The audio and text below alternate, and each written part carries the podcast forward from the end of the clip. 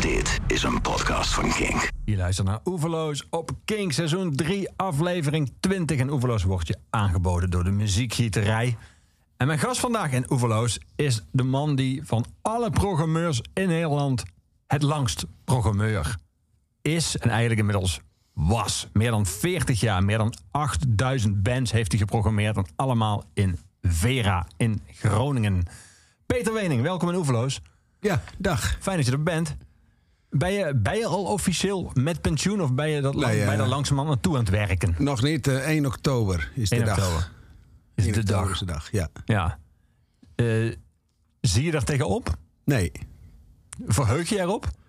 Nou, ook niet in het bijzonder. Dit is mijn eh, perfecte introductie, deze pandemietijd. Want ik, eh, ik raak er een beetje aan gewend. het is niet van de een of andere dag, kan je zeggen. Nee. nee. En ik heb het al twee jaar geleden aangekondigd. eh, ja. Eh, 120-jarig bestaan in een talkshow. Ja. De, in- de insider weet het wel. ja. Toen dacht je, al. ik ga zelf niet de 120 jaar volmaken, dacht je. Nee, nee. Nee. We gaan het hebben, uiteraard, heel veel hebben over muziek in deze Oeverloos. We gaan het hebben over Vera. We gaan het hebben over hoe het programmeren is veranderd in de loop der jaren. We gaan het hebben over muziek die jij zelf tof vindt. De muziek die samenhangt met jou en met Vera. Dat is va- vaak vanaf, zeker vanaf bepaalde jaren, is dat, eh, valt dat, eh, dat ook wel met elkaar samen. Maar laten we helemaal naar het begin gaan van jouw eh, muziekliefde. Laten we teruggaan naar jouw jeugd. We gaan beginnen met eh, Earth and Fire, met eh, Seasons. Ehm, was dit, was hoort dit bij het begin van, jou, van jouw muziekliefde? Ja, dat, dat kan je wel ongeveer zeggen. Ik was hier 14. En ik, ehm 14 heb ik altijd al een beetje beschouwd als, als, als een, leeftijd dat je, dat je er wel een, de in kon. Komt ook door school natuurlijk. ik, had, ik had voor de gelol die top 40's meegenomen uit die tijd, die je net even bekeken hebt. Ja, En, eh, ja echt tof. Je hebt, je hebt ze bewaard. De, de, zeg maar de, tegenwoordig zou zeggen flyers, maar zo heette dat toen nog niet. Maar de, de folders het vouwblad van, eh, van de top 40 van Veronica. Precies. En ik woonde toen in Zeeland. En wij konden alleen maar Veronica ontvangen. Dus ik ben echt eh, opgegroeid in de s- 60 jaren met Veronica. Ja, en je hebt ze allemaal bewaard van toen, van dat jaar. Nou, dit is de jaargang van 70. Ja, Ik heb er ook nog een van 71, dus eh, daarvoor niet.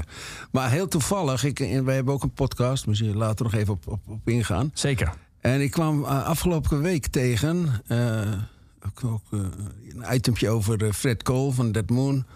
En eh, die zat vroeger in de band eh, The Weeds. En eh, die kwamen bij een management, die heette The Seed. Ook een management van The Seeds. En toen had, had het management bedacht... nou, de Weeds en de Seeds, dat, dat gaan niet samen. Dat is zo marketingtechnisch niet helemaal slim. Dus die hadden voor de band toen een naam Lollipop Shop bedacht. En die hebben ook wel een, een flinke hit gescoord. En toen, blijkbaar heb ik dat ergens gelezen... en stond, had ik in de Veerkrant geschreven... dat is eh, een goede naam voor de 14-year-old market... En eigenlijk bestaat dat gewoon nog steeds. En dit is, dit is iets uit de 5, 66. Ja, Dus eh, die, dat hele popmuziek eh, management eh, denken... dat stamt eigenlijk dus, dus bewezen al uit die tijd. ja, Dus ja, en, bij mij persoonlijk eh, klopt dat ook wel. ja. En jij hoorde dit dus op Radio Veronica. Ja, Radio Veronica. Ja, en die stond bij jullie thuis altijd op? Of die stond vooral op op jouw kamer Nou, op? die stond vooral op op mijn transistorradio. Ja. Een transistortje dat, ik, dat het niet meer doet, maar die ik nog wel heb. Oké. Hangt bij mij eh, in, thuis aan de muur. Ja. Je, bedoel, je, had, ik zei net al, je hebt die top 40 eh infobladen bij je. Je bent, nou, je bent sowieso van het, van het bewaren, volgens mij. Hè? Ja, en ik ben op zich geen verzamelaar hoor, maar, maar ik gooi niet Een gauw wat weg. dat tegenwoordig, hè? En wat? Dat heet tegenwoordig een hoorder. Dat klinkt meteen een Oh. heel, alsof het een, een soort aandoening is. Ja, maar ik- ja, ik, ik heb dit gewoon wel bewaard. eh. Ja. Maar ik heb geen pakhuis of zo hoor. Maar je, je zei, die stond op jouw transistorradio, op jouw kamer op. Wat stond er in de woonkamer dan op ondertussen? Nee, mijn, mijn, mijn, mijn, vader, mijn, mijn ouders, eh, mijn vader is eh, organist van het kerkorgel geweest. En eh, dus dat was meer uh, Fijke Asma in het Urkermannenkoor. Ja, Ik noem maar wat. ja. Maar vond hij het wel prima dat jij naar die andere muziek Ja luisterde? hoor, Jacca? die vond dat prima. Mijn vader is...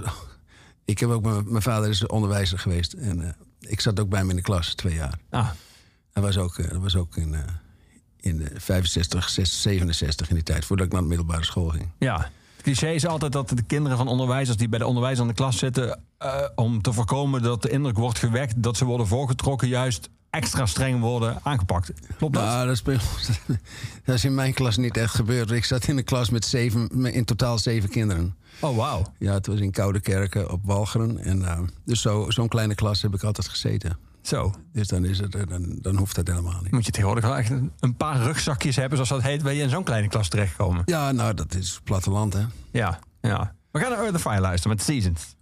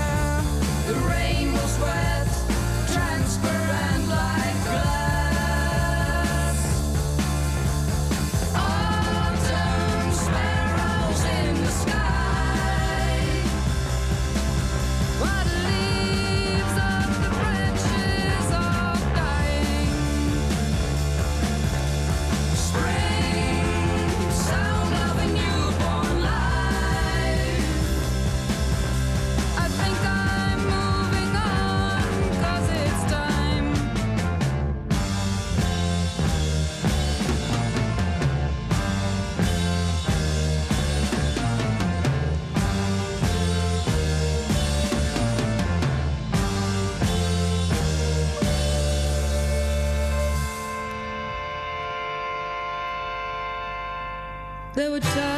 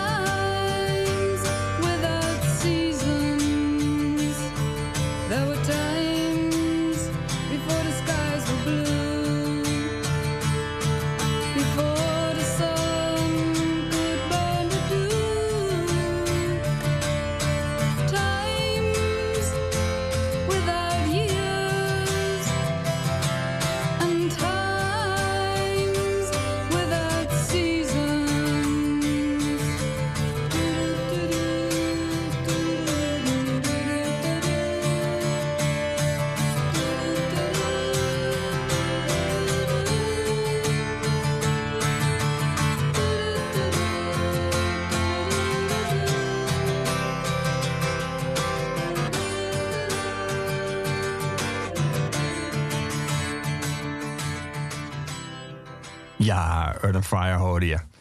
Ondertussen leek hier voor mij die eh, netjes bij elkaar gevouwen top 40 bladen. Ehm, was jij ook heel erg bezig met, los van dat je van muziek hield, maar dat, dat je ook het interessant vond hoe hoog een plaat kwam en wie alarmschijf was en wie steeg en wie super.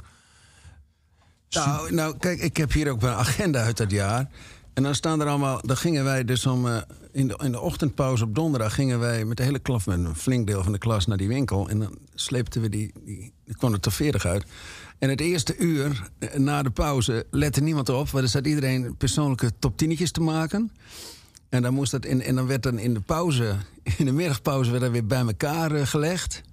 En daar verscheen dan weer een klassenlijst van. Dus al, ik, al die top tinnetjes, die kijken. Oh ja, zie je voor- ja. Wat cool zeg. Ik ben bijvoorbeeld een ontzettend fan van eh, House of the Rising Sun van Frigid Pink. Ook, Ja. ook, ook in deze jaargang. Ja, Eh, Venus van Shocking Blue. Maar even naar Earth Fire terug. Natuurlijk, wij waren als 14-jarigen natuurlijk ontzettend onder de indruk van het pakje van Jenny Kaagman. Die later ook nog zo'n ehm, topje had, volgens mij, van Suède met zo'n veten erin. In deze tijd had ze zo'n glittertopje aan. ja. We hebben natuurlijk ook Mariska Veres, ook eh, allemaal zangeressen eh, voor de 14-year-old. eh, zeer indrukwekkend. Ja, En dit nummer, dat hebben wij op een schoolfe in schoolfeest op de middelba- middelbare school in eh, het voorjaar van eh, 1970 eh, in Middelburg gedaan. We hebben een playbackband gevormd op, het- op het podium. En ik was de drummer. je moest playback drummen. En, ja, playback, drum, iedereen playbacken. Zeg maar wat potten en pannen. en dan hadden ze een drumstel. Maar het was natuurlijk super cool om een, eh, om, om, zonnebril te... moest een zonne, wat is eh, cool. En ik had een gewone bril. En wat ik gedaan heb, ik heb mijn bril afgezet. En een zonnebril opgezet. En ik legde mijn bril zo op het drumkrukje.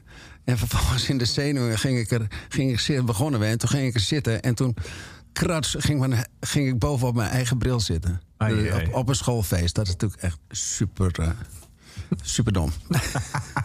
maar dat herinner ik me nog als de dag van gisteren. Ja. Ik was, Ja, toen was ik eigenlijk, dat is, eh, dat is ongeveer mijn muzikantenbestaan.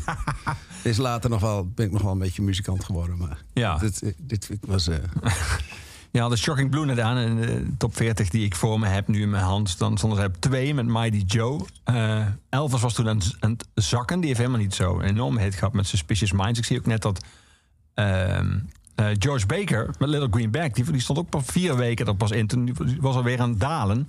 ja, die heeft in, eh, in de Billboard eh, 100 heeft hij hoger gestaan dan in, de, in eigen land. Ja, terwijl Mijn Stil Verdriet van Corrie en de Rekels... uitgekomen op platenlabel 11 Provinciën... die, eh, kwam hier, die stond hier nog hoger dan Elvis.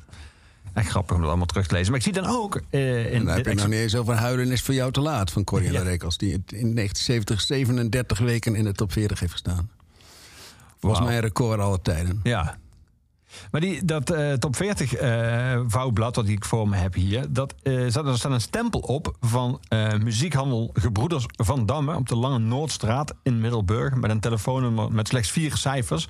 Moet ik me voorstellen dat dat de plek is waar jij elke week... in ieder geval de top 40 ging halen? En Ja, waarschijnlijk wel. Ik heb, ik heb ook ooit Venus gekocht van, van Shocking Blue. Ja. En toen kwam ik thuis en zat er een tik in.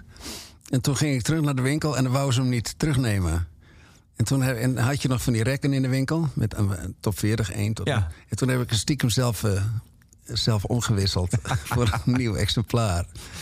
En toen Ja. was, werd, eh, werd een, met een bonkend hart eh, en niet betrapt de winkel verlaten. Ja. Dan moet ik me voorstellen dat ook bijvoorbeeld die Shocking Blue... die heb jij ook nog? Die heb je ook bewaard? Ja, die heb ik nog, ja. Ja, want heel veel mensen hebben daar met vinyl vooral eh, hebben daar wel eh, ooit spijt van gekregen. Heel veel mensen hebben ooit vinyl de deur uitgedaan. Bijvoorbeeld toen de CD kwam of toen het streamen opkwam. En met de heropleving van vinyl of van een eigen vinylliefde kwamen ze er weer achter. Shit, dat heb ik ooit allemaal in een doos gedaan. En, eh, Ja, ik niet natuurlijk. nee. Nee. Nou, ik heb de- destijds, ik kocht niet zoveel hoor.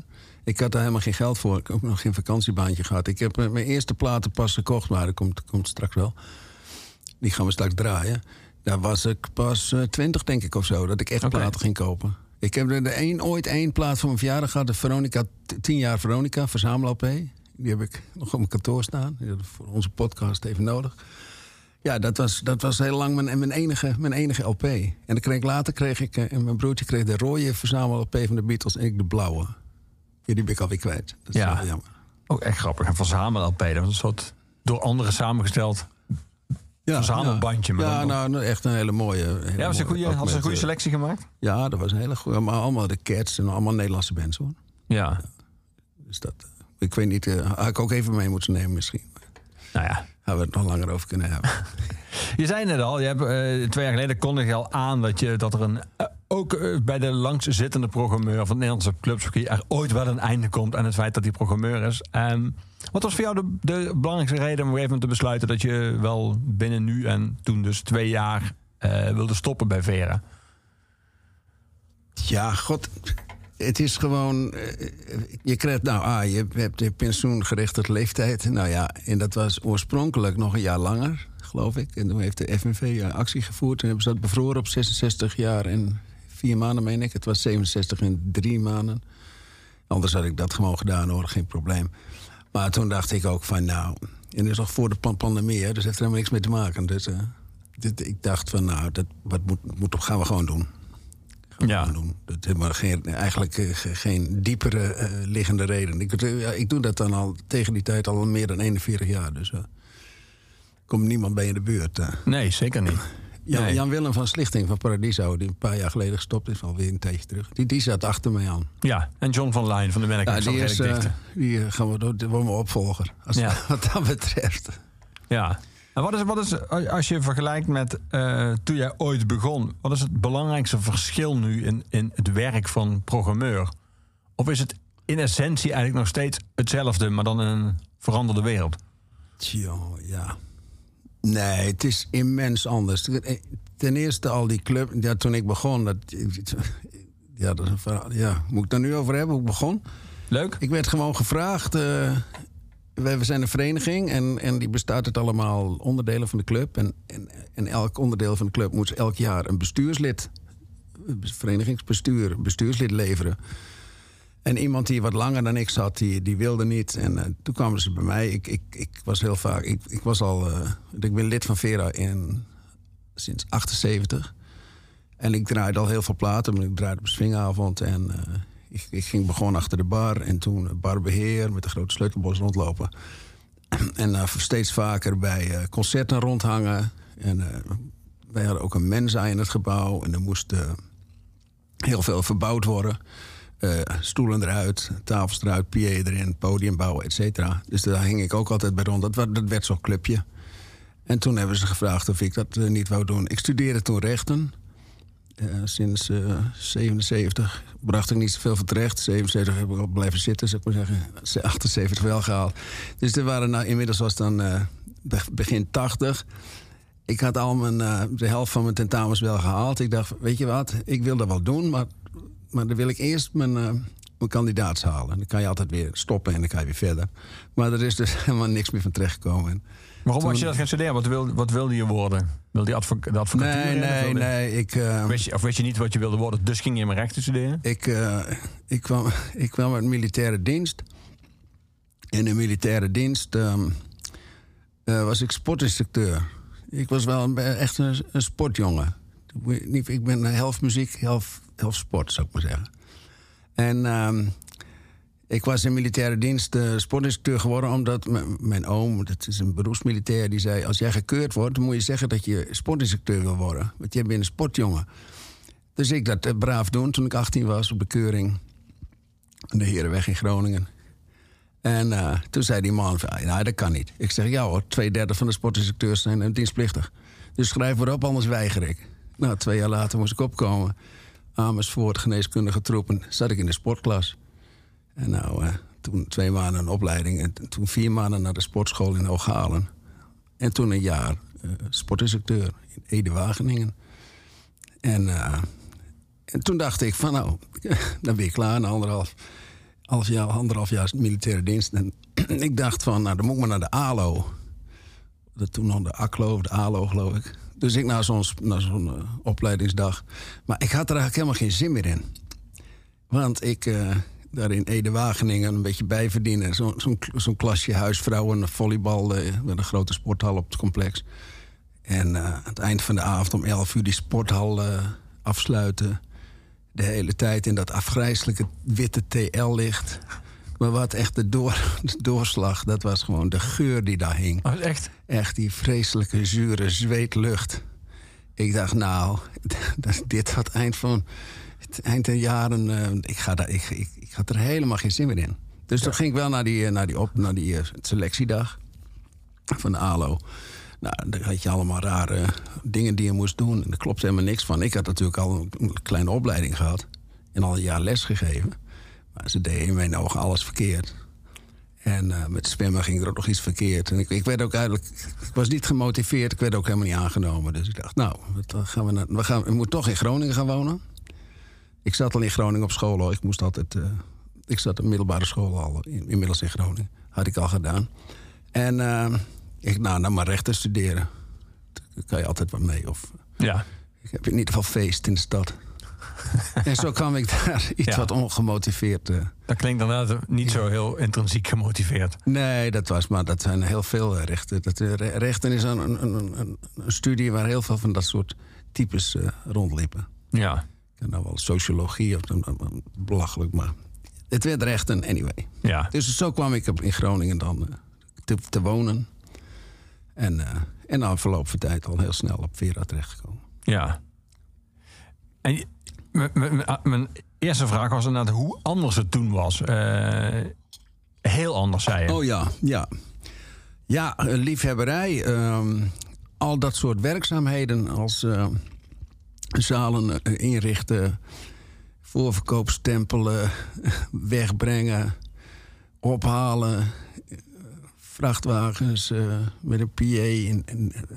Vandaag de dag, je hebt geen, geen restaurant meer. Dat is al gelukkig. Dat was de, de, de vlag uit toen dat failliet ging.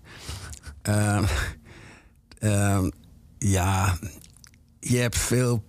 Op allerlei gebieden heb je nu mensen gewoon in dienst. Er is iemand voor de promotie, iemand voor dit, iemand voor dat.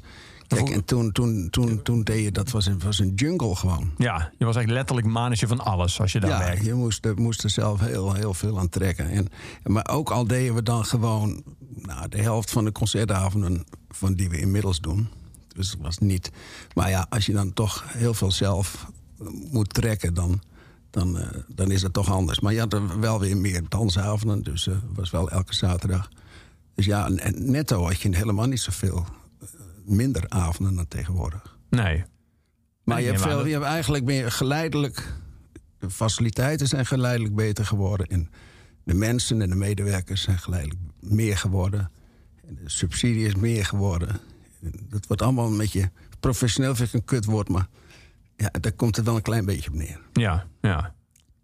We gaan muziek draaien, Peter. We gaan twee nummers achter elkaar draaien. En ook van voor dat je bij eh, Vera werkt. We gaan naar Jimi Hendrix luisteren, daarna naar Tin Lizzy. Even Ehm, een eh, rock, rock eh, Precies, item. ja. Ehm, Jimi Hendrix, kwam die snel na Earth and Fire? Jouw, eh, Ja, ja, dit toen ik puberleven zeggen, toen ik, toen, ik, toen, ik dit, toen ik dit hoorde op de radio, gewoon ook via de top 40, dit is echt de eerste, dit blew my mind. Dit is echt blast.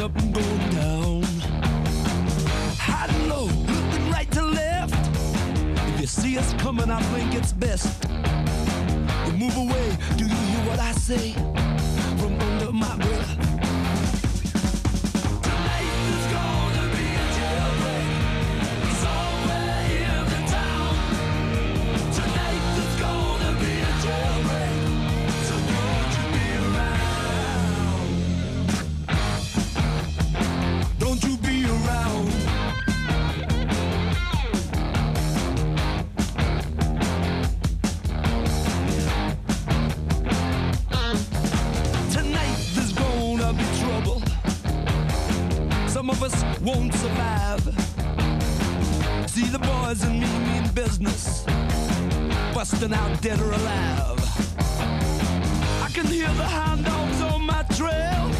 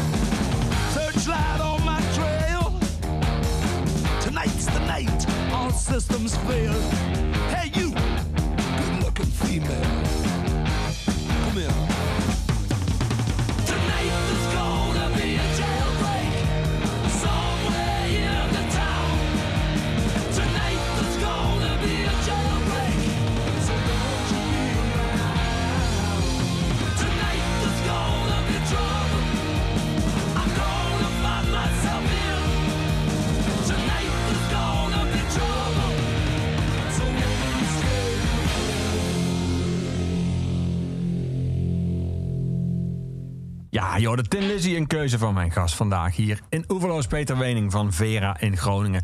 Peter, dit, eh, toen ik jou vroeg om eh, wat nummers aan te dragen, zat deze als laatste van Tin Lizzy bij het lijstje van, eigenlijk van voor Vera. Betekent dat ook dat Tin Lizzy nooit een Vera heeft gespeeld? Nee, nee, die heeft niet in Vera gespeeld.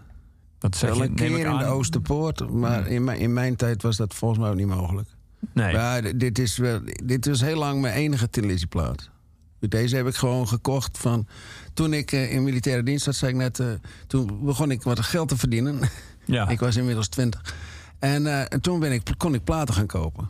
En omdat ik wat extra geld kreeg... omdat ik, je bent sportinstructeur, dan ben je dus sergeant... kreeg je best wel meer geld dan een gewone soldaat. Ja, met hoog in Dus, rang. eh, dit is, en, en toen kwam dit, al die mooie dingen. Ik, heb ook, ik herinner me echt, er zijn een paar platen die ik voor het leven... en die komen allemaal uit deze tijd, die ik voor, mijn voor het leven heb. Dus Ja. Shiny Beast van Captain Beefheart. eh, Zuma van Neil Young. eh, Born to Run van Bruce Springsteen. En, en bovenal deze. Dit is, dit is als, ik, als ik alle platen weg mocht doen en mocht er één houden... dan zou ik deze houden. Ja. Dat, dat weet ik nog steeds. En ergens in 90 jaar heb ik een soort eh eh, Tin Lizzy eh, revival eh, meegemaakt. Persoonlijk, ik weet niet meer waarom. heb ik ook in de Verenkrant een uh, Memorial Club begonnen. En dan mochten eh, mensen gewoon een favoriete nummer. En eh hoefde niet waarom. Maar, en dan werd dat gewoon genoteerd. En die lijst werd steeds langer. Gewoon die en die, dat en dat nummer. En, eh, en toen kwam Poison ID, die bekende, misschien minder bekende punkband. Ja. Die bleken allemaal Poison ID of eh, ontzettende Tin Lizzy fans te zijn. En toen ging ik dat ook horen in de muziek van Poison ID. Ook al was het een potje hardcore. Ja. Maar er zit echt, die twin guitar zit erin. Dus, eh, dus en toen heb ik alle andere platen gekocht. Maar ik heb al- altijd deze staat gewoon buiten kijf. Maar ook omdat het uit die tijd is. Het is plaat uit 76. Ja. En ehm, Ze zijn natuurlijk eh, blijven spelen na zijn dood onder die naam. Dus ik neem aan inmiddels eh, dat je ze. ja, maar dat telt niet. Nee, nou ja, ik, ik wou Phil zeggen. Lennart heb je het over. Precies. Nou, veel zijn ze do- blijven doorspelen. Inmiddels zou je ze waarschijnlijk wel in Vera kunnen krijgen. Maar ik neem aan dat je daar niet op zit te wachten. Nee, dat, dat soort dingen doen wij niet. Nee. nee. Je noemde het even de Oosterpoort. Dat zeggen we jullie grote broer. De grotere zaal in de stad. Eh, was was eh, het geheim van Vera altijd dat je erbij moest zijn... voor een band zo groot was dat ze al in de Oosterpoort stonden... of naar de AFAS of vroeger Ahoy gingen en de Ziggo Dome? Maar De meest, dat, denk, dat denk ik, dat is geen reden of zo. Dat, ik denk dat de meeste mensen die bij ons gebeuren, die hebben nooit in Oostpoort gespeeld. De, de Gories of zo, of, eh, of Sonic, Sonic Youth, die, die hebben nooit in Oostpoort gespeeld. Dat, dat, dat, eh, dus dat, dat is niet echt een verhouding of zo. Nee. Misschien wel Paradiso of zo, dat soort dingen. Of, maar dat kan, je niet één, dat kan je niet één op één zo zeggen. Nee. Maar even los van de Oosterpoort zelf... eh, was het de truc van... Want wat is, wat is de capaciteit van Vera? Er was 500. Er was 400 toen begon. Dat is door, naar 500 gegaan door een verbouwingje. En dat is toen in 97 hebben we dan hebben we die groot hebben we alles plat gegooid. En in, eh, in zeven maanden later alles weer opgebouwd. En, omdat we geluidsoverlast hadden. Echt serieuze geluidsoverlast. Ja. Natuurlijk, dat gebouw, dat, is, eh, dat hele stuk is gebouwd eh, in de 50 jaren. Ja. Dus ja, er was dan nog, geen popconcert eh, uitgevonden. Laat staan een PA, eh, wat dat was. Dus eh, dat, dat was zo lekker, zo'n mandje. Ja. En, en dus dat begon... maar er zat dus die Mensa, dat Mensa-restaurant zat in hetzelfde pand. Ja. En ehm, ja, dat ging failliet in 95. En dat, vandaar daar ging de vlag wel uit. En dan konden we eindelijk die, die, dat probleem oplossen. Ja. En wat was daarna de capaciteit? Nou, die Nou, werd dat omdat je dan doos-in-doos constructie krijgt. En je kan niet naar links, je kan niet naar rechts. En je kan ook niet eindeloos naar achter of naar, naar voren. Dan krijg je een pijpenlader. Dus dat werd 450. Ja. Dus ja. wij, wij, hebben, wij waren na de max van de Melkweg, denk ik. De tweede club nog net voor 013 dat we klaar waren. ja. Eigenlijk de, de, de tweede club die daadwerkelijk verbouwd zijn. ja. Maar dan niet naar een andere plek of naar een megacomplex of wat dan ook. Maar we zijn eigenlijk op hetzelfde adres, maar Nee, maar kleiner geworden. Ja, ja, precies. Dat is, in die zin zijn jullie een ouderwetse zaal. Je zei, ben een unieke zaal, want bijna alle zalen worden na een verbouwing groter. Jullie werden kleiner, dat is al heel bijzonder. Maar ook het feit dat jullie altijd op diezelfde plek en in de stad zijn blijven zitten. eh, Ja. En zonder, eh weliswaar een verbouwing, maar zonder een nieuw pand. Want je hebt ook de nieuwe Effenaar en je hebt Ja. eh, de, de nieuwe Doornroosje Nijmegen, de nieuwe muziekgieterij. Al- al- heel veel zalen hebben een nieuwe plek. Wel nog dezelfde naam, soms ook niet. In het geval van 0 ligt 013, maar anders een nieuwe plek. Jullie zijn altijd op die plek blijven zitten. Ja, Eh, nou, het is natuurlijk. Kijk, Vera is een vereniging. En dat, de, de, toen het nog studentenvereniging was, ze heeft, heeft, eh, hebben ze dat pand gekocht in 55. En sinds 56 is Vera daar ingetrokken. En dat is in een stichting gestopt met de exclusieve verhuur naar Vera toe. Dus het is in principe ons eigen pand. Ja. En dan, dus dat is een nadrukkelijk groter, groot verschil met, met andere plekken. Ja. Ja. En dat, dat, eh, dat er tot 70 een studentenvereniging is geweest, maar dat werd wel steeds linkser, et cetera. En, en toen werd het ook een open jongerenvereniging. Dat, de statuten zijn gewoon gewijzigd, maar het is nog dezelfde vereniging. ja. Ja. En, Maar toen- en de leden veel- zijn een beetje af- anders qua snit. Ja. Snap ik. Maar 450, betekent dat... ehm daar wilde ik eigenlijk net naartoe toen, ik over het Oosterpoort, eh, eh, toen we het over het Oosterpoort hadden. Betekent dat dat je er altijd bij bent op tijd moet bij zijn? Of richten jullie eigenlijk ook voor een grote op bands die nooit eh Ziggo Dome bands worden? Dus waarbij dat ook niet echt speelt dat je Nee, dat moet speelt zijn. op zich speelt dat niet. Dat, of, of dat nou destijds zo was of vandaag de dag. Dat, je, kijk, ons gemiddelde bezoekersaantal heeft... Nou, ik denk het, het hoogste aantal gemiddelde bezoekers per concert... wat ik ooit heb meegemaakt, zal misschien pff, 220, 230 geweest zijn. En dat is dus nog niet 50% van de capaciteit. En dan meet je over een jaar. Van een over, jaar. over een jaar, ja. ja. precies. Ja. En afgelopen jaar was, of of 2019, want afgelopen jaar was het natuurlijk niet vergelijkbaar. Maar het, hele, het laatste hele jaar was een heel goed jaar. In 2019, maar dat was wel eh, gemiddeld 167,3 of zo. Ja. Ik ben een cijfertjesman. Ik weet het bijna uit mijn hoofd. Ja. En, kijk, de, de- heel veel mensen die, die, die denken, ja, maar je. De, heel, veel, heel, veel, heel veel bands die trekken gewoon niet zoveel publiek. En, en als je, dat moet je gewoon niet, niet als, als reden aanvoeren om een band te boeken. Goede band eh, die, die voor het eerst komt uit de andere kant van de wereld. Die, eh, dat kan er ook kan er 60 zijn of 70 of laatste, de laatste jaren eh, vaak nog niet eens 50 of zo. Nee. Ja, dan nu moet kun je- je, nu daarom zijn ze ook niet zo duur. Dus. nee, nu zeg je dit berusten en zelfs lachen. Maar bij sommige mensen zou dan inmiddels totale stress eh losbarsten. Want dan gaat het heel erg om bezoekersaantallen. Nee, daar gaat het niet om. Het gaat erom, het gaat, erom, Nee, het gaat om de balans. Hè. Het Ja. gaat om de balans. Kijk, daarom zeg ik, dan, dat kost ook niet zoveel. En, en dan kan je best wel je nek uitsteken. En, en, dan- en als iedereen een klein beetje meer betaalt, dan... Kijk, je maakt een begroting van tevoren. En, dat, dat is, en, en, en dan zorg je maar dat het erin past. En dat geld verdienen met popconcerten, dat, in ieder geval als je het leuk wil hebben, niet. Dat, dat, dat heeft nog nooit gewerkt. Alleen ja, vroeger eh, was, er, was het een beetje. Kijk, helemaal in het begin. Kijk, ik, ik vergelijk het wel. Een paar jaar geleden kwamen replacements. Die kwamen in Paradiso na Ja. zoveel jaar. Wou ik ook heel graag hebben. Ja, die heb je ook gehad vroeger. Maar, maar dat lukte niet. Want het was ook, toen, toen speelden ze op mijn verjaardag in Paradiso. Dus ben ik daar maar heen gegaan. Maar dat was de vierde keer dat Paradiso in Nederland. Of eh, dat de replacements in Nederland waren. En die drie keer daarvoor, dat was altijd Vera Paradiso. En eh, één keer. En, eh, twee van de, er was nog een zaal bij. Het waren twee, twee, twee, twee van, tournees van drie en eentje van twee. Dus ja, ik wou, ik wou toen ook graag, maar nou, liep Paradiso eentje op voor. Maar goed, dat is, Maar om aan te geven, dat die- die bands die, die deden niet zoveel. En dan moet je ook niet denken dat het allemaal uitverkocht was gelijk. Kijk, als er 300 250, 350 mensen kwamen destijds, dat was ook al heel mooi. Ik denk allemaal dat er allemaal heel veel mensen moeten komen. Sonic Youth, de eerste keer waren er 63 mensen of zo. En, en, toen, en toen 200, en toen 300. En na vier jaar was het pas uitverkocht. Ja. Maar zo'n band die noemde- wereld in. Ja, je noemt nu zo'n band als de replacements. Die kwamen op een gegeven moment, die lagen lang stil. Toen kwamen ze weer bij elkaar, omdat er steeds nieuwe, meer nieuwe bands kwamen. Zoals de Gaslight Anthem, die heel erg ge- ge- geïnspireerd waren door de replacements. Dat de replacements noemden in interviews als inspiratiebron. Dus dan gaat zo'n band gegeven moment een nieuwe tour doen. Best wel grotere zalen, die ook allemaal uit, Paradiso was ook uitverkocht volgens mij.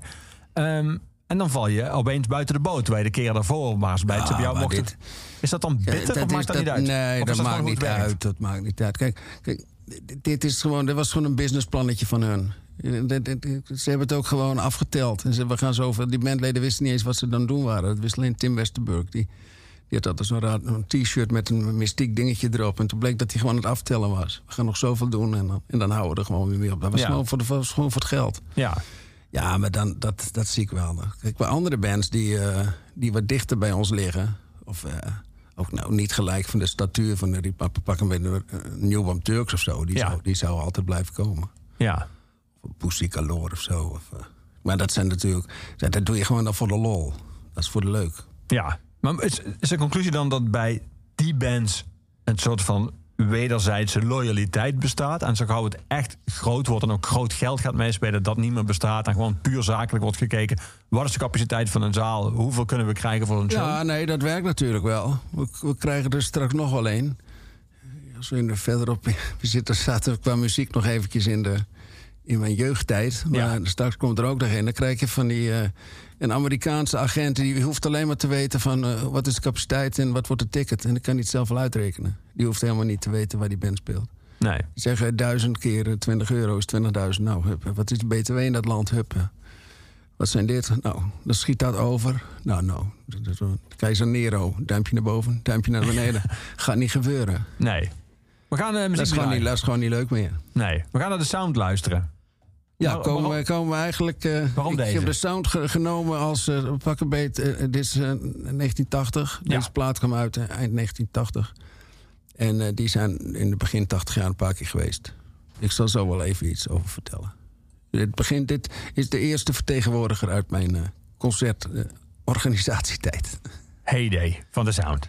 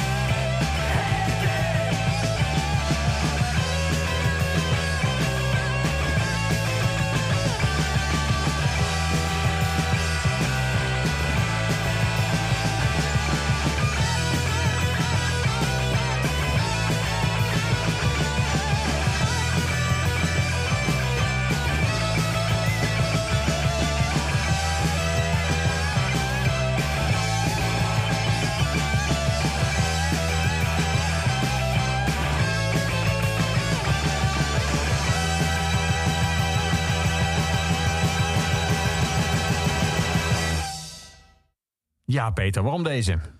God, dit is zo goed. Ja, ik heb die koptelefoon net weer opgezet, maar wat een verrukking toch. Ja, van, eh, van Jeopardy. Ehm, dit kwam ergens uit in eind oktober eh, 80.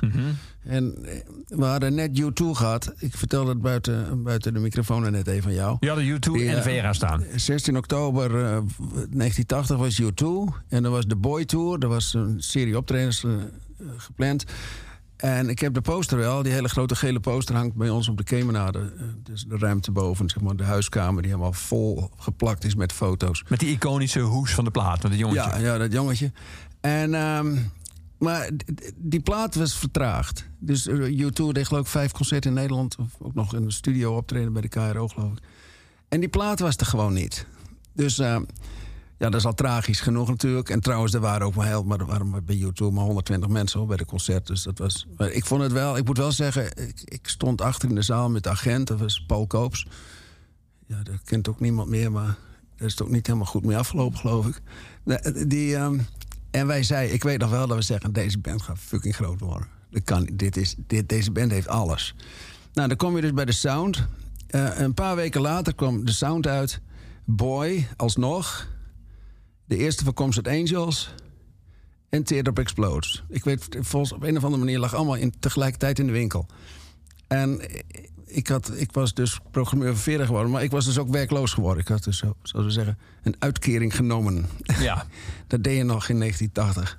Ik heb dat trouwens tot 1994 met uitkering gedaan. Hè? Dus in 1994 was voor het eerst een contractje bij Vera eh, als programmeur. Ook nog minimumloon. Maar ik heb dat dus de hele tijd als met uitkering gedaan.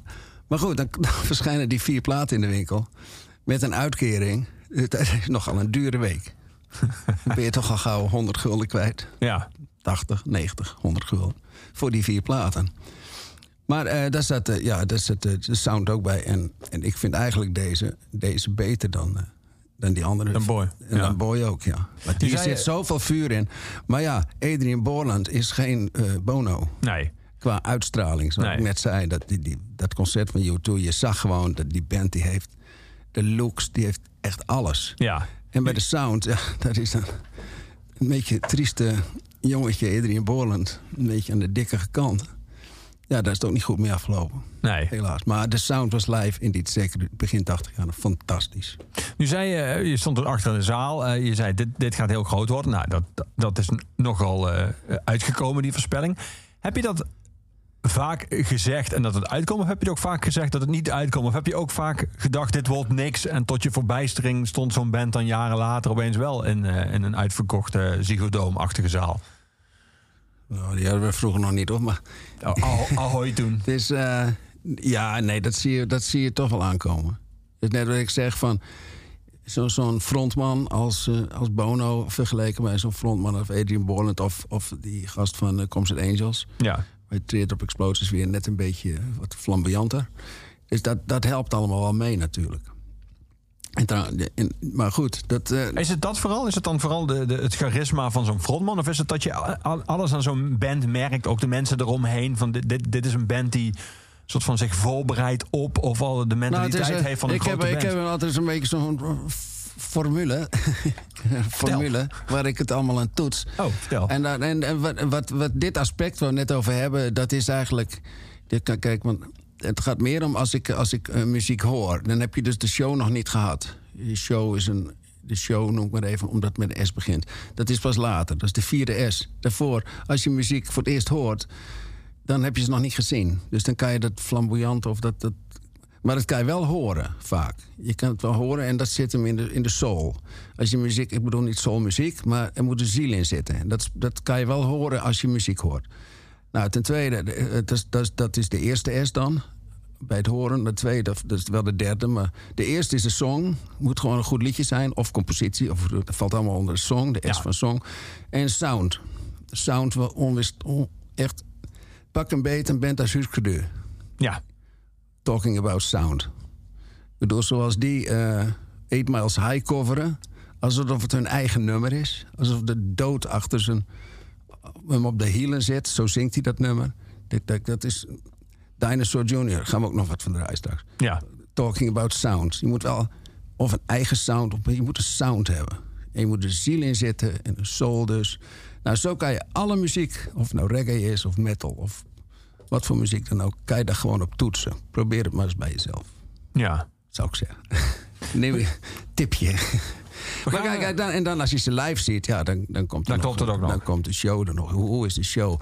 Is het overdreven of is het, wat, is het integer of wat dan ook? Maar het moet gewoon, het moet, gewoon kloppen. En dan ben ik niet geïnteresseerd of het nou groot gaat worden of wat dan ook. Als het bij ons maar gewoon feest is, ja. dan gaat het om. Nou, kan ik me wel voorstellen. Je zegt, dit kan, ik ben niet geïnteresseerd of het groot gaat worden. Maar het lijkt me wel voor een zaal. En ook voor jou als programmeur. Maar eigenlijk vooral voor een zaal tof om te zeggen dat jij die band hebt gehad. Ooit. Ja, zo begint het natuurlijk niet. Nee. Dat, is allemaal, dat, dat- dat zijn wel van die dingetjes. Kijk, kijk, ik heb ooit eens een, eh, een, een, soort experimentje met mezelf uitgehaald. Van, zal ik, eens een, ik, zal, ik krijg een aanbod. Het komt van, van Mooi over Nicolien. Tegen twee concerten in Nederland. Het gaat over een band die alleen maar in Melkweg in Vera speelt. En je weet als het van daar vandaan komt. Ik had wel van die, ik had erover gelezen. Maar ik heb het doelbewust niet gehoord. Ik heb niet geluisterd. Zo van, laten we even kijken. Tot het helemaal klaar is. En geboekt en zo. En, eh, en toen kwamen ze. En toen hoorde ik ze pas voor het eerst. Dus er waren, waren een paar 400 mensen. Het was net niet uitverkocht. Maar het ging over Elbow. Maar dan kan je niet zeggen van het boek komt dat mijn smaak is of zo. Ik dacht, laat ik eens een keer gewoon helemaal niet naar luisteren en zien hoe het uitpakt. Nou, was toch, toch een redelijk succes. Je zei net over de Wembley eh, Arena. Nou, die hebben nog op de Olympische Spelen gespeeld. Ja, ja. Ja. Dan weet ik er nog eentje van de Olympische Spelen. Onze Vera Pol-winnaar van 2019, de Jambinai uit Zuid-Korea. Die speelde op de slotmanifestatie van de Winterspelen in. Die kwamen toen zo uit het, uit het podium met een orkest van 100 man of zo.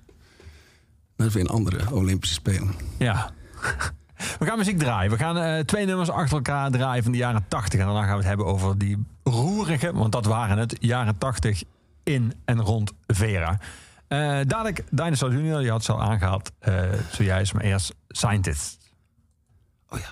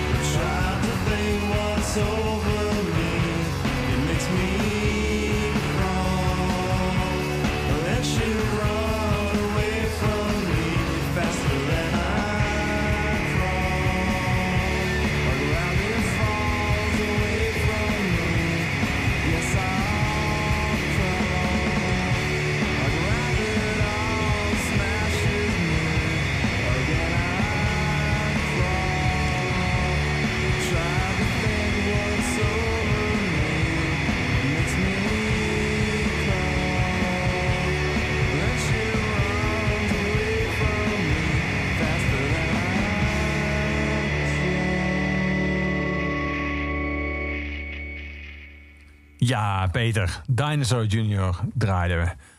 Ook uit de jaren 80. Oh, gaat gewoon verder. De jaren 80 waren, ik We zei al, we hebben Neil Young en Jimi Hendrix in één band. ja, Zo'n beetje. ja is, dat, is dat samengevat ook al jouw liefde voor die band verklaard? Nou, het is. Kijk, ik, ik- toen ik. De, Dinosaur is wel een absolute lievelingsband natuurlijk, ook van de club. De eerste plaat van Dinosaur is een heel andere plaat. Hè? Dat is een beetje een zompige, slecht geproduceerde, twijfelende plaat. En die, ik, weet, ik weet nog dat ik die ging luisteren en hem niet gekocht heb. En s'nachts de hele nacht eh, niet geslapen heb, bij wijze van spreken. En, slacht, en het, zat, het zat maar in mijn hoofd. En de volgende dag ben ik gelijk terug naar de winkel. En gelukkig was hij, dat heb ik gelijk gekocht. Toen was je Eh, alsnog om. Ja, het, het- dat, dat, maar het was gewoon... De plaat klonk niet zo goed, maar de liedjes zijn zo geweldig. Ja, het was zo'n absurd... Als je DJ Die voor het eerst hoorde... die je zojuist aanhaalde, die was niet zo goed verzorgd. Nee, dat was een beetje... Dat was technisch, was het. dus. Dat was de technische sound. Was het. De sound van de band, die, die was goed... maar het, het was gewoon een beetje een, heel slecht geproduceerde plaat. Ja, Maar die, die, die, die- het geluid van die zang en zo... dat, dat zat gewoon... Dat, dat beet gewoon... Ja, Dat zat gewoon in mijn kop. En toen moest ik hem toch hebben. En, en sindsdien dacht ik, een geweldig plaat. ja. En toen kwam al- die tweede, die tweede, dat is de, You're Living All Over Me. Dat is eh, gewoon, dat knalt er aan alle kanten uit. Ja, je zei al, dat is een band die waar jullie als zaal ook een warme band mee hebben gehouden. Die zijn vaker teruggekomen. Dat geldt wel voor meer bands. Er zijn bands, er zijn echt typische Vera-bands. Bands die eh, regelmatig eigenlijk op elke tournee eh, Vera aanleden. Je noemde Newborn Turks al. Je hebt eh Motor Psycho hebben heel vaak bij jullie gespeeld. Je had de Birthday Party, de band van Nick Cave. Nou, is maar één keer geweest hoor. ik dacht twee keer. Ah, 82, nee, Birthday Party heeft ook heel kort bestaan. hè. ja. Ik ben Nick Cave in de Bad Seats zijn later wel geweest. Nog ja. één keer. Nou, dan Nick Cave zelf inderdaad. Ja, die Aussies en, en Scientist, ook een absolute Australische lievelingsband. En die ook heel vaak geweest zijn. En ook heel een korte per- periode, het begin van de tour en aan het eind van de tour nog een keer. Van dat soort grappen. Ja.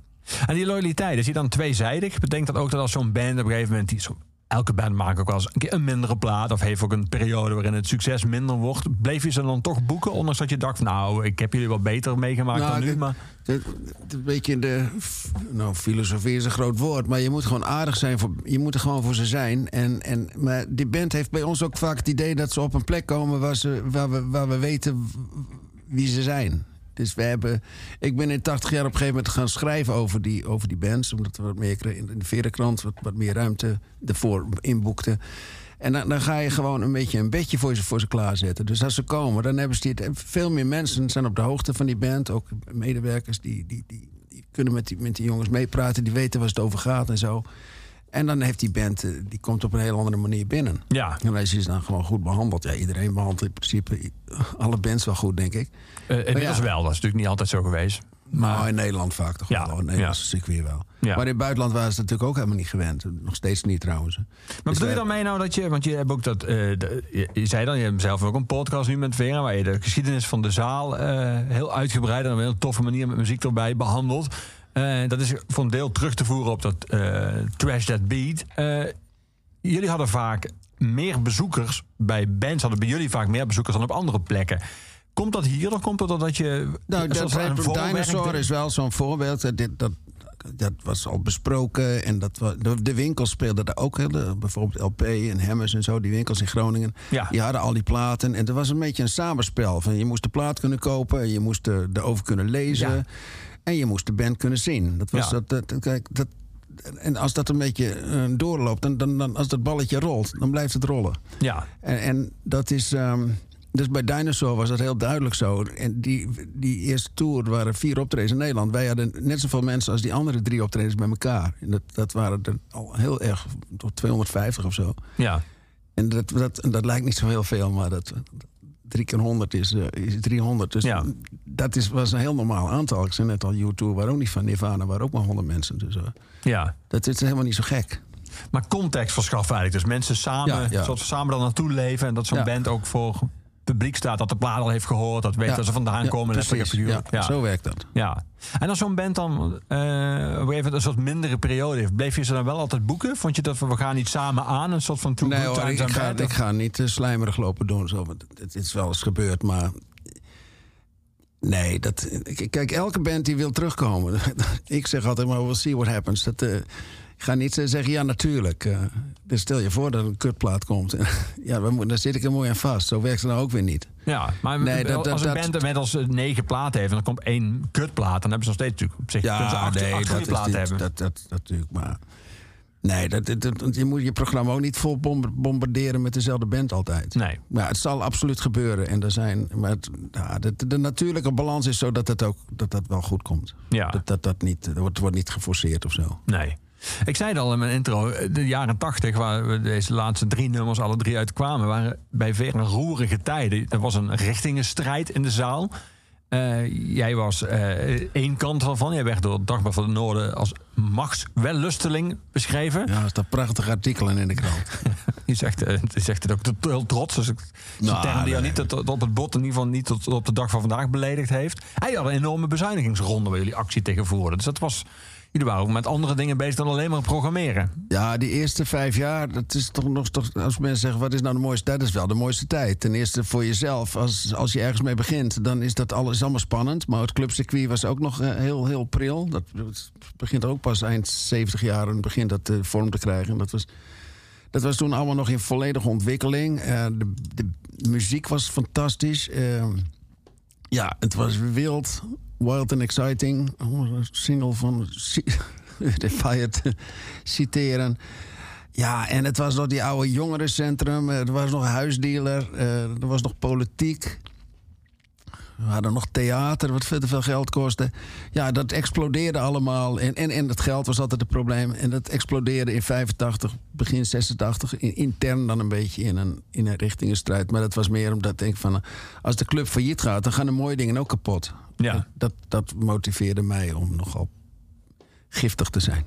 Ja, Ja, en daar kwamen, en we zijn een vereniging, dus daar kwam ont, ontaarden in algemene ledenvergaderingen die echt eh, waar het hard aan toe ging. ja. En toen is hij begin, eh, begin eh, Je zegt dat, eh, februari. je zegt dat eh, lachend, maar was dat toen ook, vond je dat toen ook al, of is daar heel veel schade, menselijke schade aangericht? Of valt, valt dat ook wel bij mij? Ja, ja, ongetwijfeld. Ja, er zijn mensen die nog steeds eh, gefrustreerd over rondlopen, maar die zie ik verder niet. Nee. Ja, voor mij was het ook geen pretje, dus eh, voor mij zijn de ruiten ook gewoon ingegooid. En eh, ik ben ook fysiek aangevallen en weet ik veel. Nou, dat, dat, daar kom je wel overheen. Maar dat, ehm, ja, dat leidde tot een ultieme vergadering waar eh, de, de cultuurkant gekozen werd. Ja, nou, dat was dan mijn kant. En wat was de andere kant? Ja, de aloude, alles moet maar kunnen, jongerencentrum. eh. Ja, Dus het was eigenlijk een beetje. en We waren nog steeds welzijn en dat, soort- dat, dat, dat was nog steeds een subsidierichting.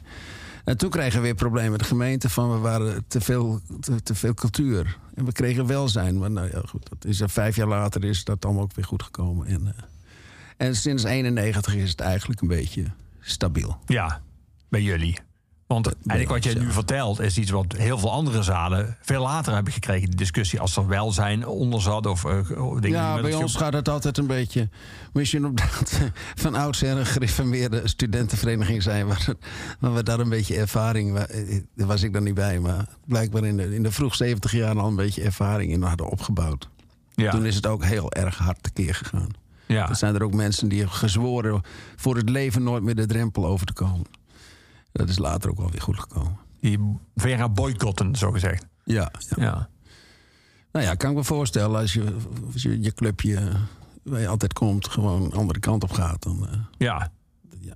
Maar dat, eh, misschien heb je hier wel de essentie te pakken. Dat ik gevoel van je clubje. Dat is natuurlijk iets wat niet alle popzalen nog hebben. De, de, inmiddels, wie je zei, ik hou niet zo van die term professionalisering. Maar in, in het live circuit in het algemeen in Nederland is dat wel aan de hand. Dat gevoel van dit is jouw clubje. En we gaan er met z'n allen samen over vergaderen hoe het verder moet. Dat is niet zoals het op heel veel plekken gaat. Nee, maar dat zou wel zo moeten. En dat kan best wel terugkomen. Dan moeten de, alle, alle, de clubs dat zelf maar bepalen. Maar dat is wel van belang. En zo krijg je ook eh, samenhorigheid. En, en wil iedereen wat harder lopen. En wil iedereen ook voor niks voor je werken. Als je er maar wat voor terugkrijgt. Gisteren hebben we ook samen voetbal gekeken. Op een groot scherm. Lekker. Geen bezoekers, maar wij onder elkaar gewoon. En kleinigheidje, maar... Ja, En eh, ja, nee, dat, dat hebben we altijd gehad. Dat is altijd. eh, maar ja, ook omdat wij. eh, we zijn een vereniging en de leden die, die, die, die, die runnen de club. Dus ja, dat, dat, ja, als, je geen, als je een stichting bent, is dan misschien weer wat anders. Maar volgens mij hoeft dat niet uit te maken. Dan moet de club zelf dat moet ze ter harte nemen. Kom maar een keer kijken. ja. Wil ik er nog wel wat meer over vertellen? We gaan een decennium eh, doorschuiven, Peter. We gaan naar de jaren 90. eh, Ja, ik heb per tien jaar nou gewoon één nummer uitgezocht. Ja, Blond Redhead. Eh, waarom deze? Want je had uit veel kunnen kiezen. Want jullie hebben Pearl Jam gehad, jullie hebben Nirvana gehad, jullie hebben... Nou, omdat wij... ik ben dan ooit met de Vera Paul begonnen. Kijk, we net noem je al Trash That Beat. Dat is dan Ja. een commercieel dingetje van mij. Ik, wou, ik was zo teleurgesteld met het bezoekersaantal van Sonic Youth. Ik dacht, ik moet wat verzinnen. En ik ben, nou, we hadden het over Veronica gehad. Ik begin gewoon mijn eigen lijst. Dat was That Beat. Ja. En in 81 eh, had ik eh, de, de Vera Paul bedacht. Dat, je, dat konden de bezoekers eh, stemmen op het beste concert van het jaar. En in 97, 98 geloof ik, even uit mijn hoofd... heeft Blond Red het twee keer op rij gewonnen. Dat was de tweede, want eerder was dat John Spencer Blues Explosion... ook twee keer op rij hebben gewonnen. En straks hebben we er nog eentje die we gaan draaien... als we dat hopelijk halen, die ook twee keer op rij heeft gewonnen. Dus Blond Red het was in 97, 98 het beste concert van het jaar.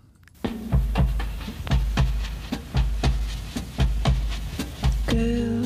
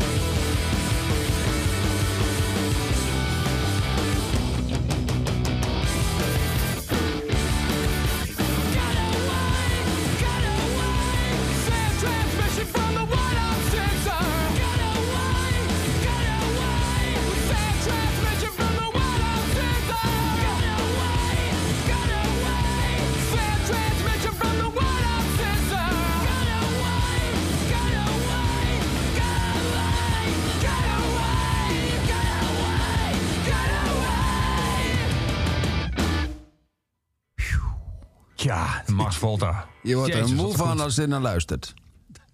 Ja, of je krijgt juist een energieboost. Goh, wat is toch goed. Die stonden bij jullie. En dat was niet zomaar een show. Nou, we zijn twee keer geweest. De eerste keer was in eh, maart eh, 2000. Dat, dat knalde er gelijk in. En ik heb eh, zei net, ik heb mijn vriendin gebeld. Je moet nu komen. Het was na 30 seconden. Het concert van het jaar is begonnen. En dat werd Het inderdaad... natuurlijk heel explosief. Dus je wist ook meteen, dit was heel bijzonder. Cedric podium op, die springt gelijk de, de balken in zo'n beetje. en eh, nou, dat werd inderdaad eh, het concert van het jaar. Dan zou ze Want was, later... jij er, was jij er altijd? ik ben er Was en. Ben, jij er altijd? Ja, ik ben er bijna altijd wel geweest, ja. Behalve als ik niet in het land was, zou ik maar zeggen. Lijkt me een goede reden. Ik ben een paar keer... eh, ik, ben ook ik ben nooit ziek geweest of zo. Dat ik daar niet kon komen. Maar Maar kom je, was je er, ik neem aan niet alles altijd jouw smaak. Is, is dat een, uit een soort plichtsbesef? Of is dat gewoon een nieuwsgierigheid van ik heb ze geboekt, dan wil ik ook wel eens zien hoe ze zijn? Ja, nee, natuurlijk. Ik vind wel, ja. Het is, en, en zodra het kan, moet je het ook gewoon... Je moet je, je tijden er maar op indelen. Ik, ik hoef er niet op maandagochtend om negen uur te werken of zo. Nee. Ik weet, ja, daar valt... eh, bij- dat heb ik altijd wel gedacht. En eh, ja, eh, bij ons, we, zijn er niet, we hebben niet zoveel mensen in dienst. Dus je moet ook, eh, wat ik eerder al zei... vooral in de 80 jaar was, was het veel, heel veel wat je op moest knappen. Ja. Maar, en, en later, nou, ik, ik wil nog wel even eh, helpen een kistje te, mee te sjouwen. Ik wil ze eigenlijk wel zien als ze binnenkomen. Ja. Dat, eh, dat, dat, dan krijg je de boel ook gelijk op de rit en zo. Ja. Dat, En bleef je altijd, en blijf je altijd de hele show? nee, nee. Weet je het vaak wel na een paar nummers van, nou oké, ja, dan ga, ik, dan, dan ga ik even, even wat anders doen. Ja. Inmiddels hoor. Vroeger, vroeger was het toch anders. Mocht je ook nog roken in de zaal. Pak pak een beet. Kon je dan blowen, een blootje maken op de rand van het podium. Dat, dat, dat was vroeger toch allemaal wat anders. Dan Ja. speelde zich alles wat meer in de zaal af. Ja, ja, En, ja, en misschien was het vroeger ook nog wat opwindender allemaal. ja.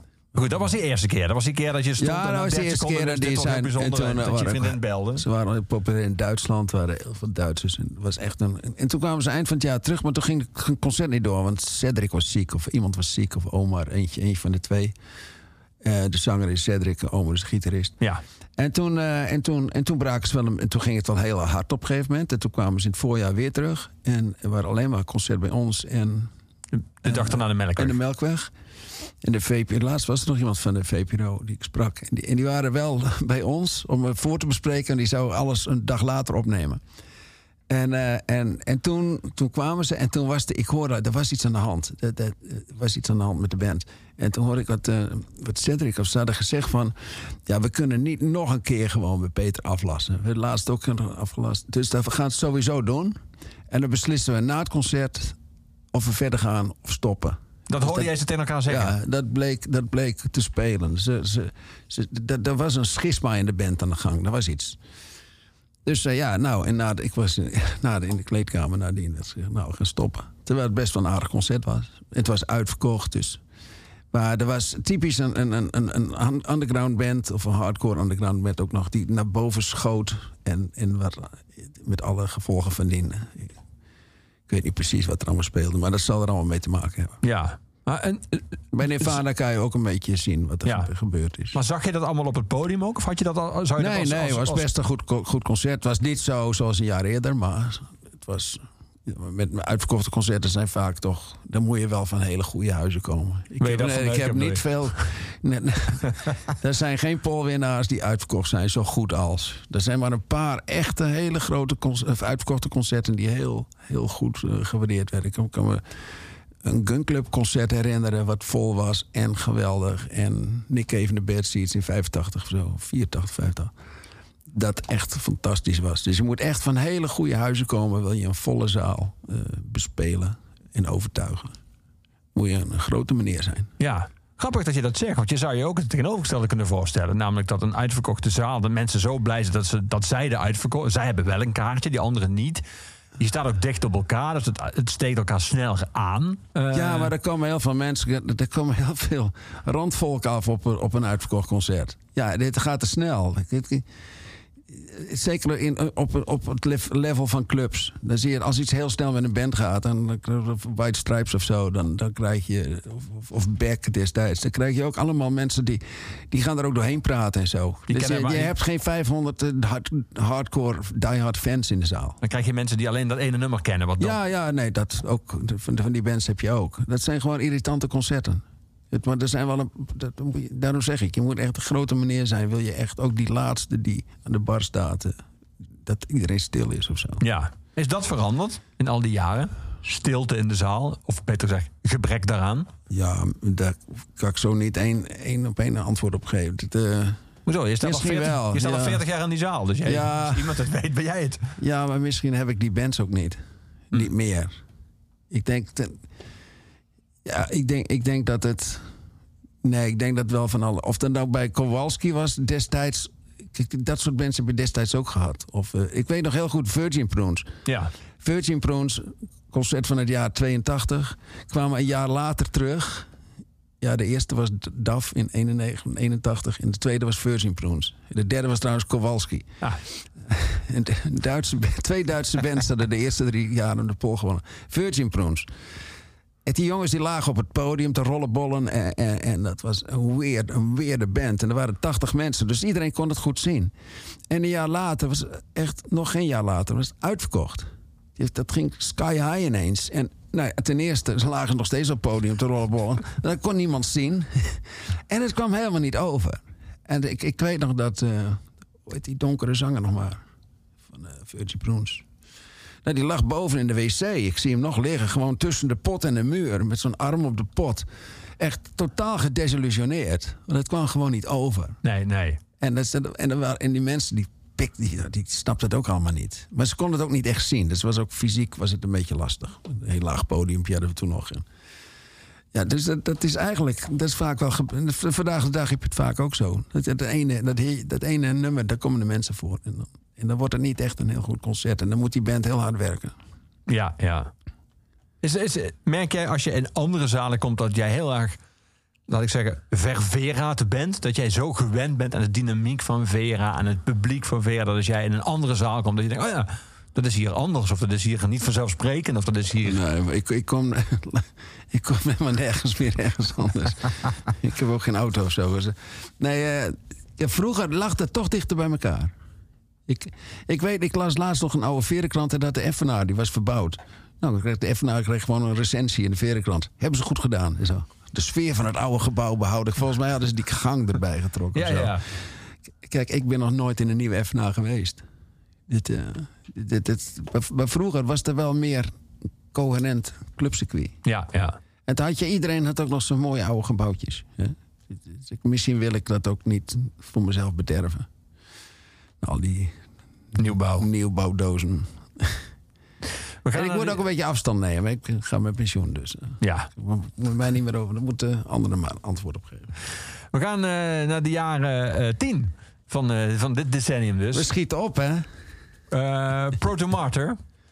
Ja, Proto Martyr ook twee keer op rij de Pol gewonnen. In 2017 en 18, denk ik. Dus dan heb ik ze alle, alle drie genoemd. Het valt me wel op dat die Paul best wel met jouw smaak samenhangt. Is hij wel altijd de- helemaal... Daar- heeft er notaris toezicht op gehouden op die, op die stemmingen? Ja, ik ben ook notaris. hè. Ik heb niet voor niks rechten gestudeerd. Nee, nee, absoluut. Ja. Nee, maar dat, dat is mijn smaak niet. Nee. Dit is gewoon, dat zijn gewoon de beste, de betere bands. Ja. Of vind je maar een kutband? eh, Nee, dat zeker niet. Nee, helemaal niet. Maar ik dat dacht ik ook. grappig dat je pakken die Paul noemt. Waarom dit nummer? Waarom eh, die Air Forest? Nou, dat is een eh, recente, dat is de laatste. Ja. Ja, vlak ze zouden komen en eh, toen kwam de pandemie en dan ging het een paar keer over de kop. nieuw geboekt, nieuw geboekt. En nou is het, toen hebben ze gezegd van, haal maar helemaal uit de agenda. We zien wel als Ja. het zover is. Dat en dan, en toch- weet ik zeker. En die band is ook echt wel als klein, kleintje best wel begonnen bij ons. En die is altijd terug blijven komen. Ja. En het zijn ook echt gewoon hele toffe lui. En die echt, het is ook één op één geweldige match met ons. Ja. Ik kan me voorstellen dat jij in die, in die ruim 40 jaar echt zoveel dingen hebt meegemaakt. Dat, niet, dat jij niet snel nog verrast zult zijn. Maar een jaar waarin je sommige bands drie of vier keer opnieuw moest boeken. Dat, dat, dat moet zelfs voor jou toch een hele vreemde. Ja, Wauw. was een eh, verrassende ontwikkeling. Ja, het, nou, nou, ik, heb, ik maak nu dat, dat een band vorig jaar geboekt en, en dat het een, een jaar over de kop gaat. Of eh, dat het van vorig jaar februari naar dit jaar februari, of eh, komend jaar februari gaat. Eh, bijvoorbeeld Pierce Brothers. En dat ik al vorige week een mailtje krijg van... Dat is nou wel je probleem met Australië. Ik hoor al dat Australië van plan is om volgend jaar ook nog dicht te blijven. Nou, inderdaad. De, de tour van, van deze band voor volgend jaar februari is ook alweer afgelast. En dan hebben we het over februari 2022. 22, ja. Dus ik zie die, die Aussies ook nog niet 1, 2, 3 eh, tot voor de zomer volgend jaar eh, langskomen. Nee. Dus dat, daar zijn we nog eh, helaas, eh, vrees ik, niet vanaf. We gaan naar eh Proto luisteren. Je kan maar beter gewoon lekkere muziek draaien. Zo is dat. We're all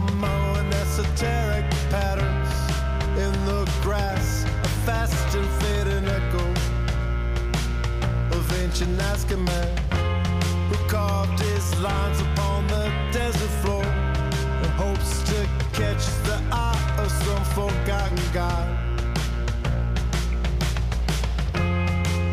To the light of passing thunderbird Oh, in patronage of a Sky Jaguar near the stars.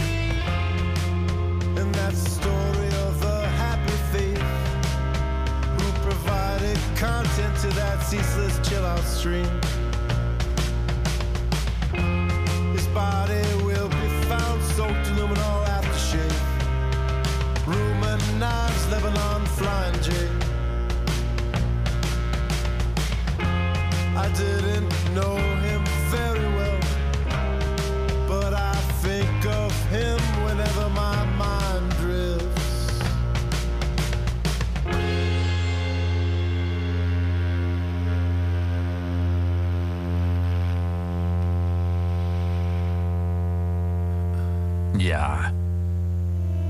We naderen het einde van deze oeverloze wel bijna, Peters. Maar gelukkig hebben we nog één nummer van jou. En daarna hebben we een nummer eh, waarmee we altijd afsluiten. Althans niet met een nummer, maar met de band. Elke oeverloos wordt afgesloten. Onze postuum huisdichter Luc de Vos. Het laatste nummer is altijd van Gorky. En laat Oh, daar ben Vera, ik ook een fan van hoor. Dat weet ik, want laat Vera nu samen met de muziekgieterij en de Mes in Breda... een van de weinige zalen zijn. En eh, we hebben ook nog op Tivoli, de Helling... eh, waar eh Gorky nog regelmatig speelde, omdat ze bij jullie wel fans hadden. zijn maar één keer geweest hoor. Ja. Helemaal aan het eind. Daar is nog een heel mooi filmpje op YouTube... dat ze op en neer naar Groningen... of dat ze in de auto zitten, in het busje zitten. Dat is de enige keer. Ja, ik heb ze vroeger, eh, in vroegere jaren gewoon laten liggen. Ik was niet zo van die... Maar toen ineens... eh, mijn vriendin is groot fan. En, en, en, en toen dacht ik, nou, nu kan ik ze nog een keer boeken. En dan Ja. moet het gebeuren ook. Maar ja, er waren nog geen honderd mensen. Dat, maar het was een fantastische avond. Ja. Luc de Vos is een heerlijke persoon. ja. Maar ik, eh, ik weet dat jij een boek hebt geschreven over ze. En dat je zeer warme gevoelens voor hebt. Klopt, zeer. Ja. Heb je, ehm, heb je zo, vind je, meer gemist? Heb je, zijn er genres die aan jou voorbij zijn gegaan? Bijvoorbeeld hip-hop, eh, wat natuurlijk eigenlijk een soort nieuwe mainstream in de popmuziek is geworden. Is dat aan Vera voorbij gegaan? Of is Nee, dat... nee, zeker niet. Want ik, de eerste Traced Beat uit 83, dat, dat zijn- zijn tien, tien handgeschreven titels. En daaronder zit de top 5 hip-hop. Dat te vergeten. Maar ik, vroeg had ik een ghetto blaster met een vriend van mij, Klaasje, de technicus. Maar die nog een grotere ghetto blaster. Stonden we op de grote markt checkies te draaien en te roken. En ingeplucht in de, in de wat is er, zo'n zo'n passage voor winkels. En dat je in, het plafond had je een stekker. En dan we gingen wij hip-hop draaien. En de kids, die lekkere van die grote gladde, gladde tegels, die gingen daar dan eh breakdansen. En eh, dus dat, ja, maar op een of andere manier. Ik heb wel een paar prachtige hip-hop concerten gehad, maar ja, prachtig. Eigenlijk alleen maar Paris of zo. Ik heb nog ruzie gehad met Common. maar, Dat kan ook niet iedereen zeggen. Dat je ruzie hebt gehad met Common. Ja, die ging de hele tijd op en neer met de taxi. En eh, ik zeg dat hij jij zo sociaal bewust... eh, dat is niet afgesproken, dat hebben we niet afgesproken... dat hij jij zo'n sociale jongen was. Weet hij, ontplofte die ongeveer. Waar hij me aanvallen. Maar ik zeg, ja, kom erop. Hele personeel ertussen, eh, crew. ik zeg, nu ga je weg. ik, heb de, de- ik heb ook de deur nog uitgezet. Nou ja, nee, Paris was fantastisch. Dat is echt de, de beste hip-hop eh, concert wat we ooit gehad hebben. Nou ja, op een of andere manier, ja, het past, past heeft er ook nooit echt goed gepast. En Simplon was er ook nog. Ja. Is er ook nog. Ja. Dus, eh, maar dat wordt een hele ingewikkelde discussie. Natuurlijk heb je hier alles, eh, alles kunnen. Reggae heeft ooit een plek gehad en metal heeft ooit. Het is ook allemaal een beetje Ja. verwaaid en zo. Slayer heb je zelfs nog geboekt. Ja, Slayer was een eh, mooie avond. Maar die vonden Vera ook al een kippenkot. Het nummer kan je ook op YouTube, nog hele concert kan je nog na, naluisteren. We hebben laatst ook een nummertje in onze podcast gedraaid. eh. Dan zeggen ze ook, this humble place. nee. Dus ja, we, ja nee, dat, eh, maar wat, ja, dat, dat is onontkoombaar.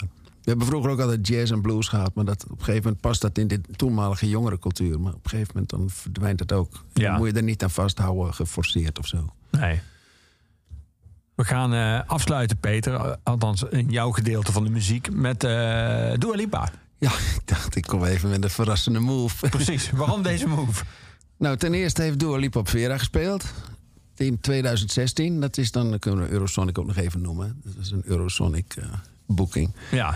En ehm, net zoals eh, de laatste jaren wel, wel meer hele mooie bands. Dus Fontaine's DC, Black de- Dry Cleaning. Ja, cool. nog eh, eerder Frans Ferdinand, eh, Libertines. Ja, het lijkt links een beetje op Lowlands. Ja. Maar in eh, 2016 was dat Dua Lipa. En dat was op die VPRO-avond op die woensdag. En eh, ik had daar, daar hing wel een busje omheen. Maar die, nou, ik, ik ontvang de bands dus graag zelf ook graag. En ik dacht van, hier moet ik maar even aandacht aan schenken. En eh, dat heb ik dus gedaan.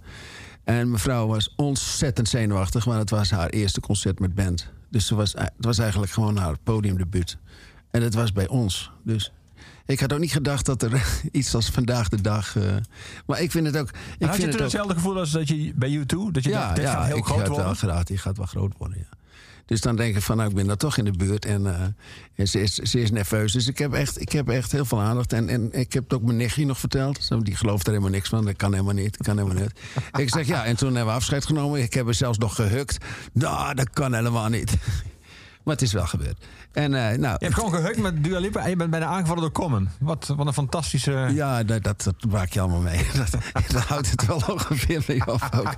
Maar ik vind het dus ook daadwerkelijk gewoon hartstikke goede muziek. En Ja. ik heb die, al die twee platen heb ik ook wel gekocht. En ik vind dit nummer wat, wat we gaan draaien, ik ben de titel even kwijt. Don't Start Me Now. Don't Ja, Start dat Now. vind ik wel echt. En daar is een versie van, van uit eh, LA, live in LA. Dat is van vijf, zes minuten. Ja. Dat is een prachtige versie op YouTube.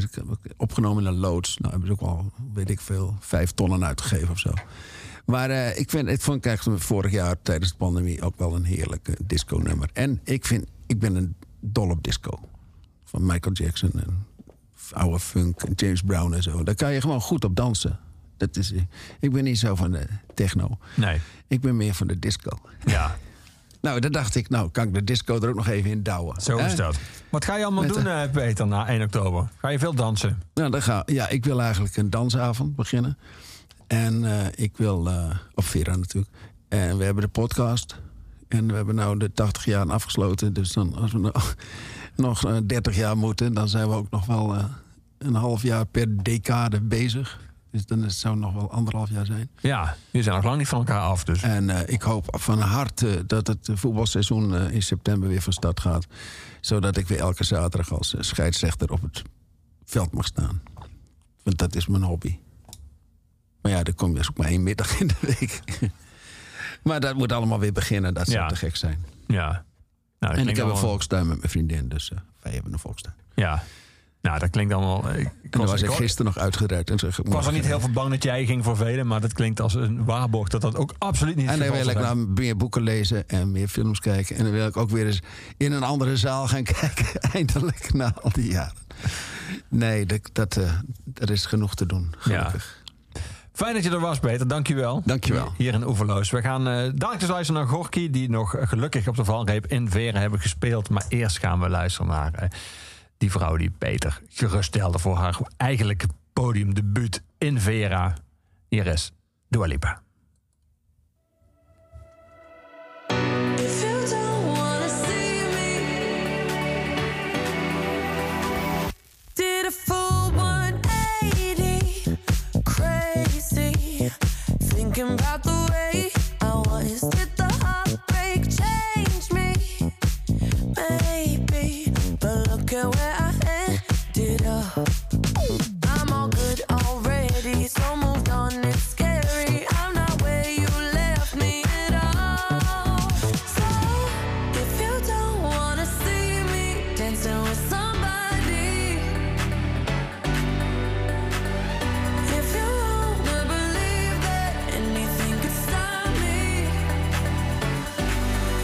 Show up,